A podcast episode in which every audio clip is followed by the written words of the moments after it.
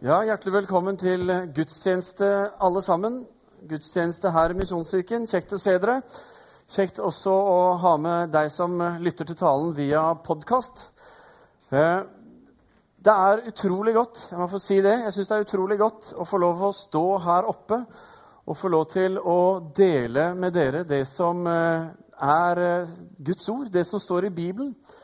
For eh, Guds ord det sier om oss at vi er et utvalgt folk, vi som tror på Han. Vi er utvalgt av Han, og vi er elsket av Han. Og Han vil at uh, vi skal få ta imot og leve i og formidle det beste budskapet som finnes i verden i dag. Budskapet om Jesus Kristus. Og dette er et budskap som Bibelen forteller oss at vil sette mennesker i frihet som eh, vil tilgi all synd, og som vil fylle våre liv med alt som godt er fra Gud. Og Så sier Bibelen også til eh, de som ikke tror, at den gode nyheten er at dette er for oss også, og det gis ved tro.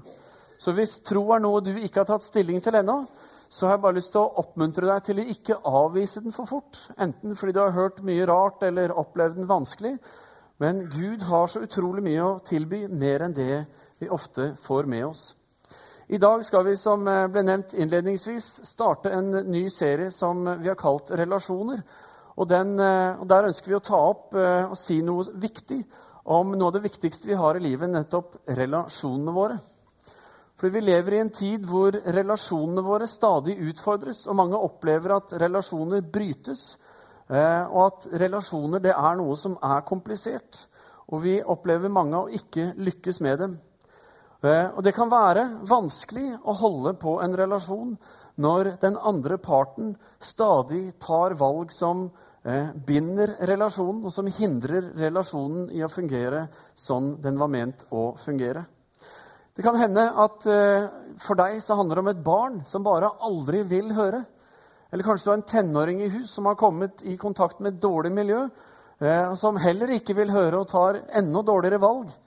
Eller kanskje er det din kjære eh, som du vil skal elske deg, men så om du opplever kanskje ta valg som gjør at du blir nedprioritert, at du blir, føler deg tilsidesatt i forholdet, i relasjonen. Kanskje er det ting som ikke er sånn som du ønsker at det, være, at det skal være. Kanskje er det i nabolaget ditt, kanskje er det i menigheten din. Kanskje er det noen som bestemmer noe som du ikke liker, og som gjør at relasjonen med de er vanskelig. Det kan være en leder, det kan være en pastor, det kan være en styreformann. Det kan være så mye. Eh, kanskje er det på jobben din, på arbeidsplassen, at eh, en kollega eller en overordnet eh, at, altså oppfører seg mot deg på en måte som gjør at relasjonen blir vanskelig, og du eh, sliter med å få til noe eh, konstruktivt. Men så kan det også være oss selv det kan være meg, og det kan være deg, som tar de dårlige valgene. Og som enten ubevisst eller fordi vi har et begrenset perspektiv, noe vi mennesker veldig ofte har. Og så gjør vi at andres relasjon til oss og til meg, til deg, blir vanskelig. I dag så skal vi snakke om vår relasjon til Gud. Folk flest har en relasjon til Gud på en eller annen måte. Men samtidig så lever ikke folk flest i denne relasjonen til Gud. Akkurat sånn som jeg tror vi alle har mennesker i livet vårt som vi nesten aldri, eller veldig sjelden, møter. Men vi kjenner de og vet nok om de til at når vi skulle møte de, så ville vi stoppe og si hei, liksom. Fordi det gjør vi. Det er liksom høflig. Eh, men fordi vi sjelden eller aldri oppsøker de eller jobber med den relasjonen, så er det en veldig begrenset relasjon. Og Sånn kan relasjonen til Gud også bli. Men så ser vi også det at eh, eh, når livet blir vanskelig, så er det en del av oss som eh, opplever at det skjer noe i relasjonen til Gud som gjør at vi velger å søke Han. Og vi ber ofte.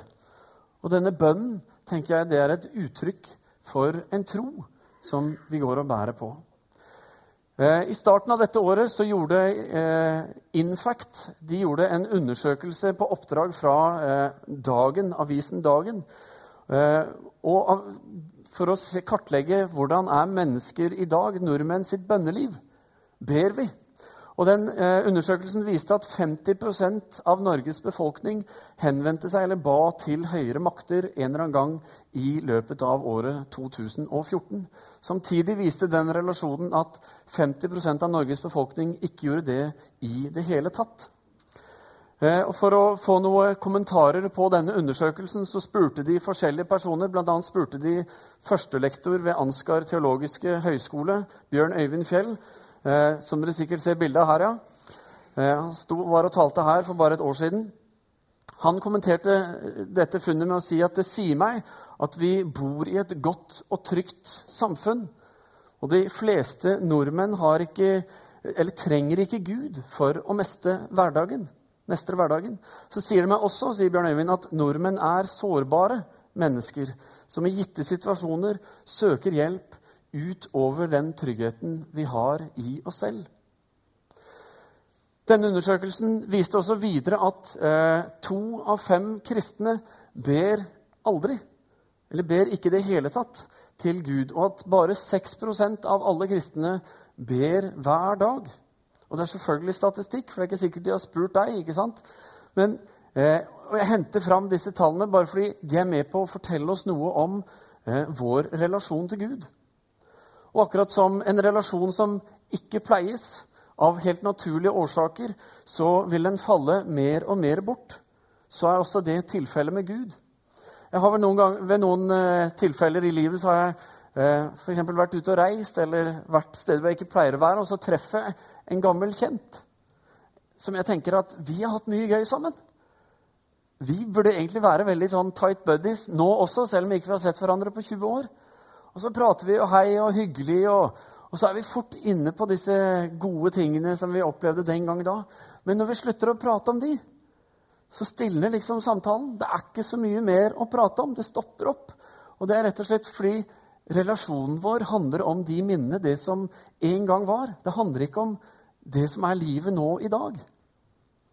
Og så er det spørsmålet trenger vi en sterk relasjon til Gud.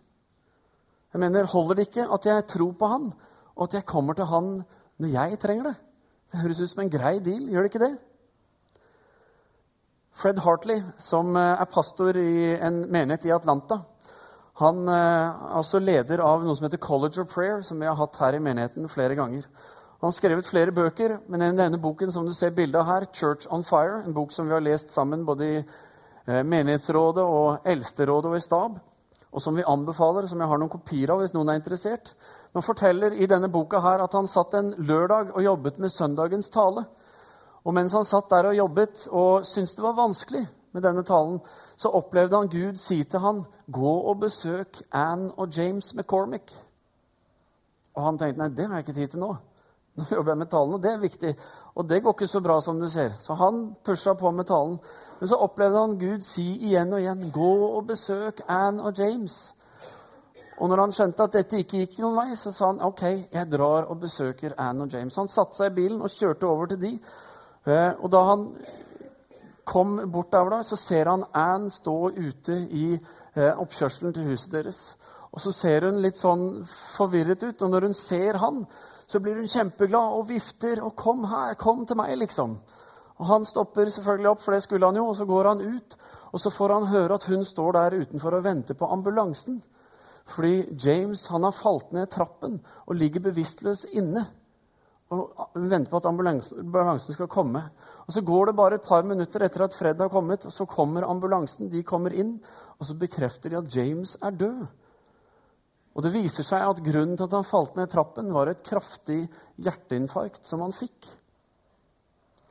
Men Anne hun klarer ikke i denne situasjonen å holde tilbake hvor takknemlig hun er for at Fred kommer og er hos henne, og hun sier til ham, 'Jeg er overbevist om at Gud må ha sendt deg til meg.'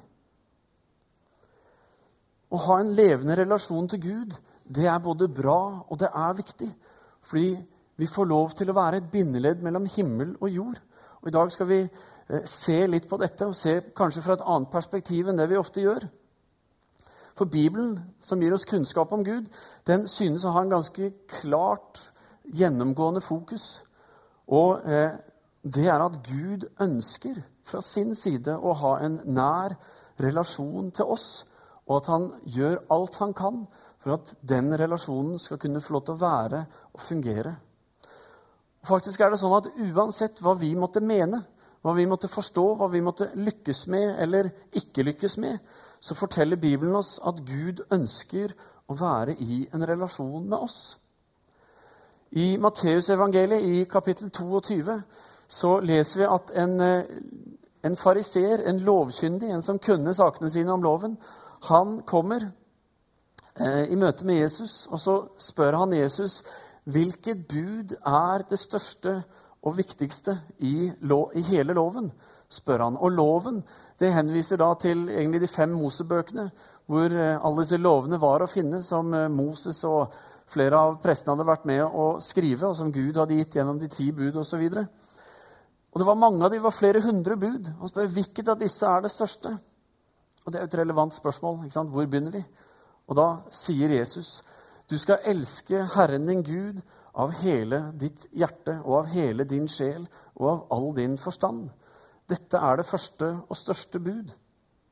Men det andre er like stort. Du skal elske din neste som deg selv. Det er ikke tvil om at Gud ønsker relasjon, og at det er viktig for han. Men hvorfor ber han oss om å ha denne relasjonen med han på dette grunnlaget? Det er noe vi skal se på videre i dag, og som vi også skal se på videre i denne serien. For det første vi er skapt til å leve i relasjon med Gud.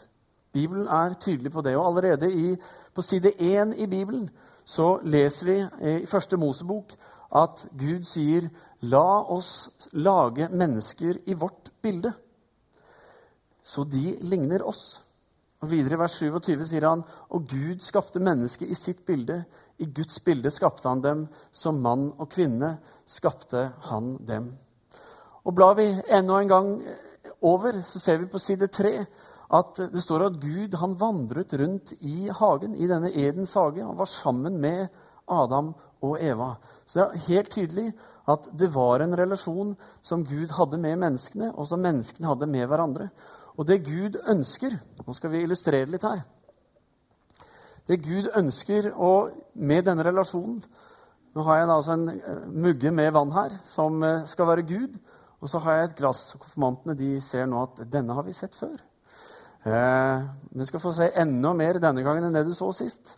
Men dette er altså Gud, og dette er oss. Og det Gud ønsker, det er å kunne gi av seg selv inn i oss.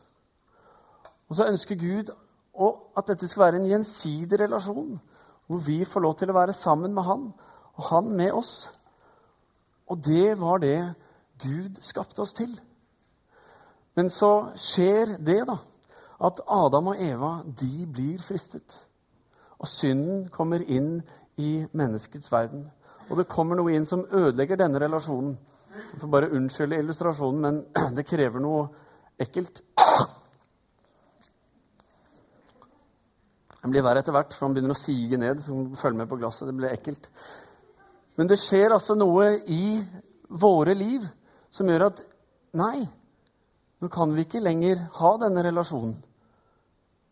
Og så står det videre eh, at for, altså, Gud tåler ikke synd, så konsekvensen er ikke bare at de ikke kan eh, dele på denne måten. Men i første Mosebok kapittel 3 så står det For det var nemlig to viktige trær i Edens hage. Og i kapittel 3, vers 22, så sier Gud Se, mennesket er blitt som en av oss og kjenner godt og ondt. Bare du nå ikke strekker hånden ut og tar av livets tre også, så det spiser og lever evig. Spiste mennesket nå av livets tre, så ville synden bli evig. Og vi kunne ikke gjøre noe med den.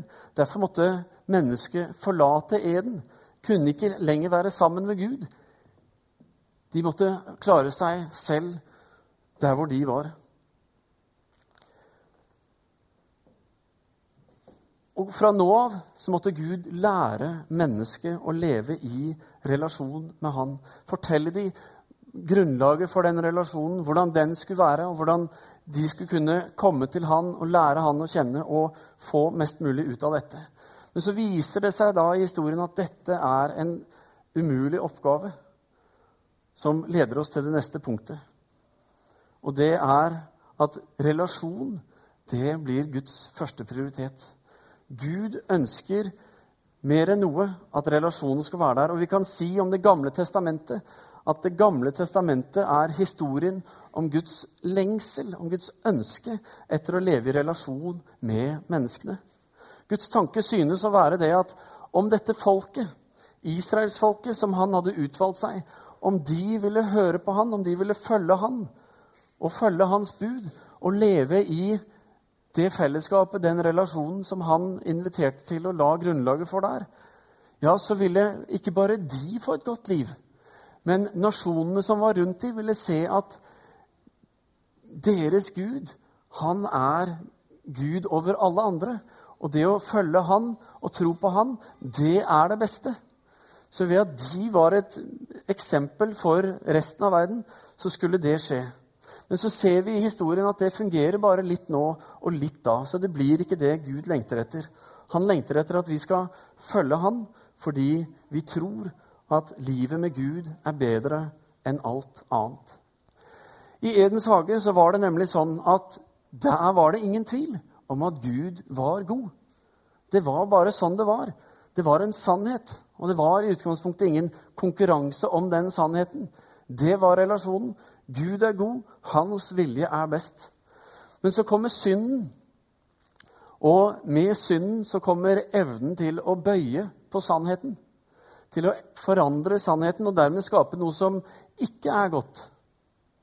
For når du bøyer sannheten med at Gud er god, så kommer du fram til konklusjonen om at 'jeg kan være bedre'.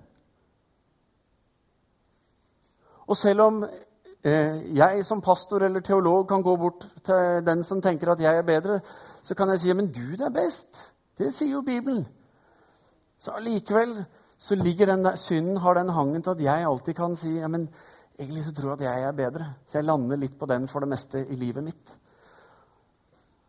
Og var du norsklærer nå, så merket du at jeg lurte inn en sånn god, bedre, best-bøyning inn her. Fantastisk måte å, å bare dele litt norsk grammatikk.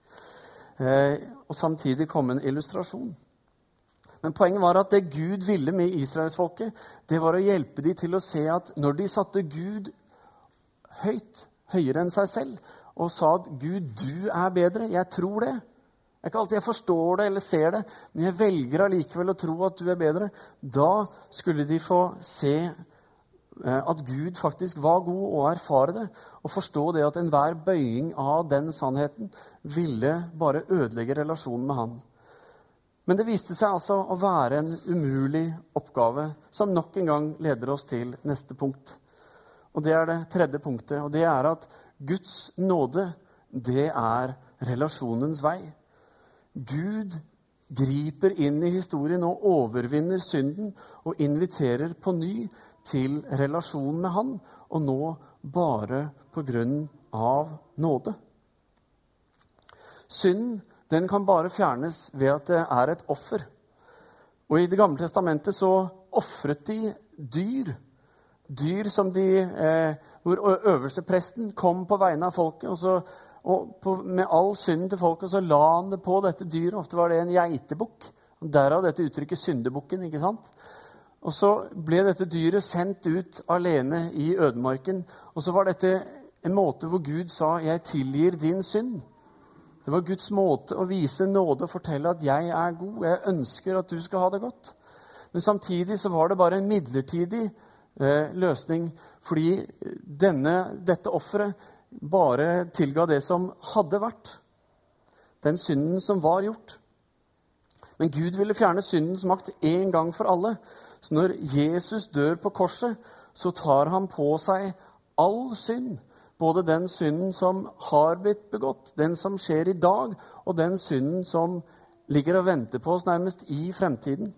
Så det Jesus gjør Skulle dette glasset vært litt eklere, men det sier bare noe godt om spyttet mitt. Men det Jesus gjør, er at han tar dette glasset, og så tømmer han det.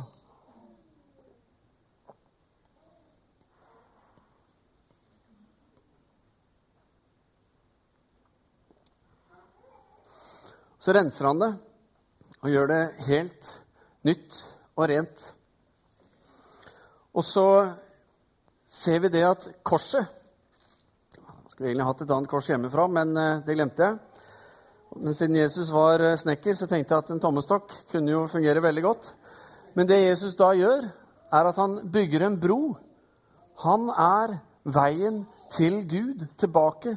Jesus blir, eh, for deg som vet at forhenget revnet når Jesus døde på korset, så blir han det nye forhenget. Han blir den nye veien inn til Gud, som gjør at vi på ny kan komme og være sammen med Gud.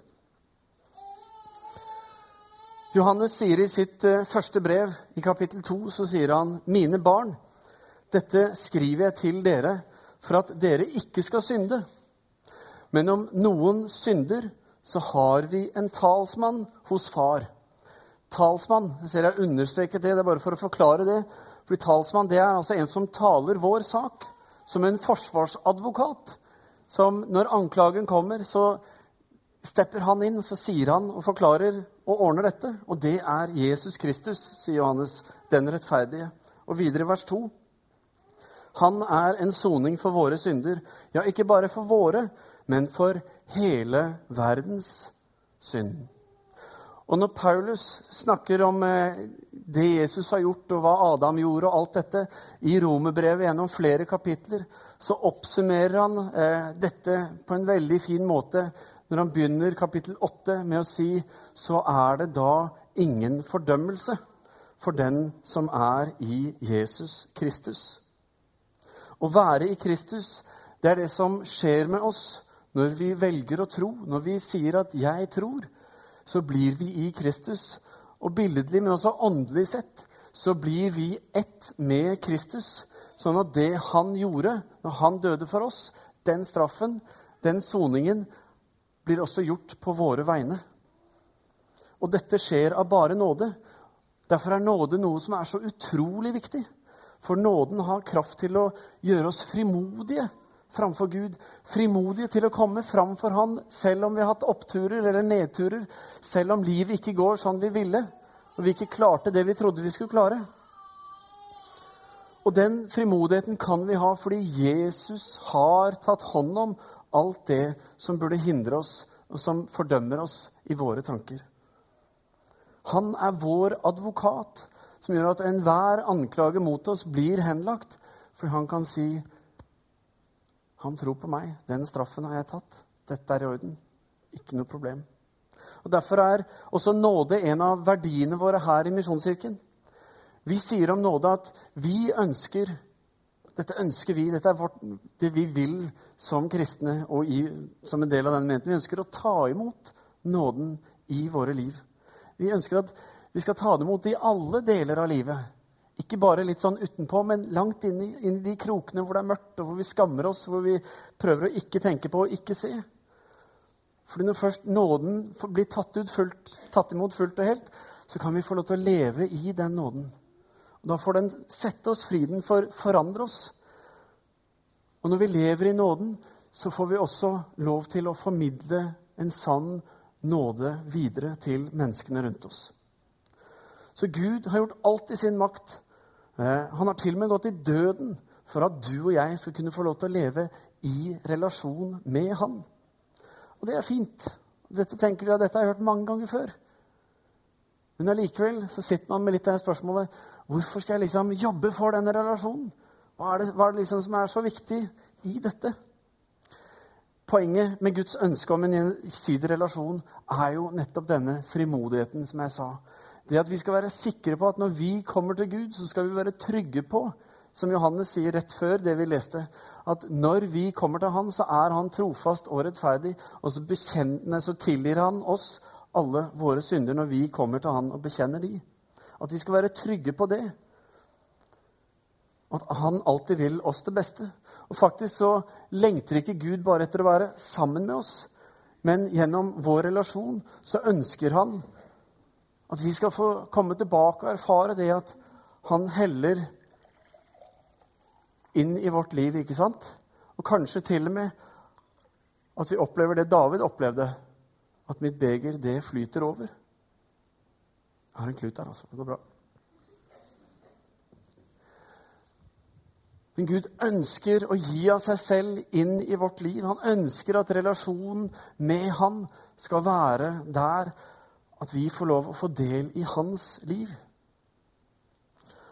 Han ønsker at vi skal få leve i Kristus, i Jesus, med den samme kraften som Jesus hadde, og med den samme troen som Jesus hadde, med den samme visdommen som Jesus hadde, og med de samme mektige gjerningene som Jesus hadde, og som vi leser om i Bibelen, og som Jesus sier ja, dere skal gjøre større gjerninger enn disse. At vi skal få ha den samme evnen til å formidle, til å snakke om Gud og om tro, om Guds rike og alt det flotte som Gud har for oss. På samme måte som Jesus viser oss i Bibelen at han møtte mennesker. ikke sant? Og at vi skal få møte mennesker som Jesus gjorde, med nåde, med kjærlighet, med en innsikt fra Gud, fordi vi forstår hvordan du har det. Med legedom, med frihet og med fred.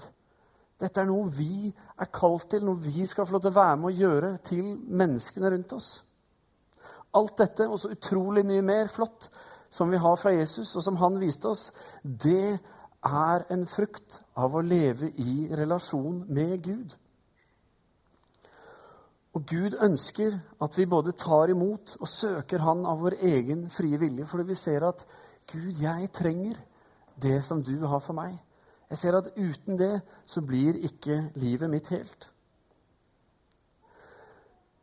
Men så er det ofte utfordrende fordi det er så mange stemmer, det er så mange rundt oss i vår kristne tradisjon eller eh, hvor vi nå har vært, som prøver å fortelle oss at ja, men hvis du er i en relasjon, så ser det ut som noe, skjønner du. Du er nødt til å be så og så mye. Du er nødt til å lese så og så mye i Bibelen. Og helst skal du fortelle de aller fleste du kjenner og vet om og, og treffer på, eh, om troen din. Og en viss prosent av de igjen burde jo bli frelst. Ikke sant? Eller begynne å tro fordi du var der og gjorde dette. Og så er det riktignok sant at eh, Bibel og bønn og det å dele tro og sånn er frukter av å være i en relasjon med Gud. Det er tegn på det. Men det er nødt til å komme nettopp som en frukt av den relasjonen. Det må komme fordi vi får lov å bruke tid med Gud. Det må ikke komme fordi noen har sagt at sånn må det være, ellers er det ikke riktig. Det må ikke handle om de kravene som er der. Det må være naturlig. For hvis det ikke blir naturlig, så blir det heller ikke helhjertet. Og vi kan ikke ha arrangerte ekteskap eller arrangerte relasjoner i møte med Gud. Og Det er et problem for kristenheten at mange av de fruktene som kommer av å leve i relasjon med Gud, er blitt til krav som vi må innfri. At vi må gjøre dette, og så går vi rundt hele tiden med dårlig samvittighet. Så klarer vi ikke å leve opp til noe som vi tror vi burde ha gjort. Så blir det prestasjon som vi står i og skal gjøre. Men vet du hva? dette er ikke det Jesus kom for å gjøre. Fordi dette binder oss. Dette er lovisk. Dette er tilbake til sånn det var når man måtte følge loven for at det ble sånn og sånn. Men Jesus han kommer for å sette oss fri. Så ikke begynn med kravene. For det er ingen rettmessige krav til den som er i Jesus. Og Hvis du opplever at relasjonen med Gud er blitt vanskelig, så start på ny.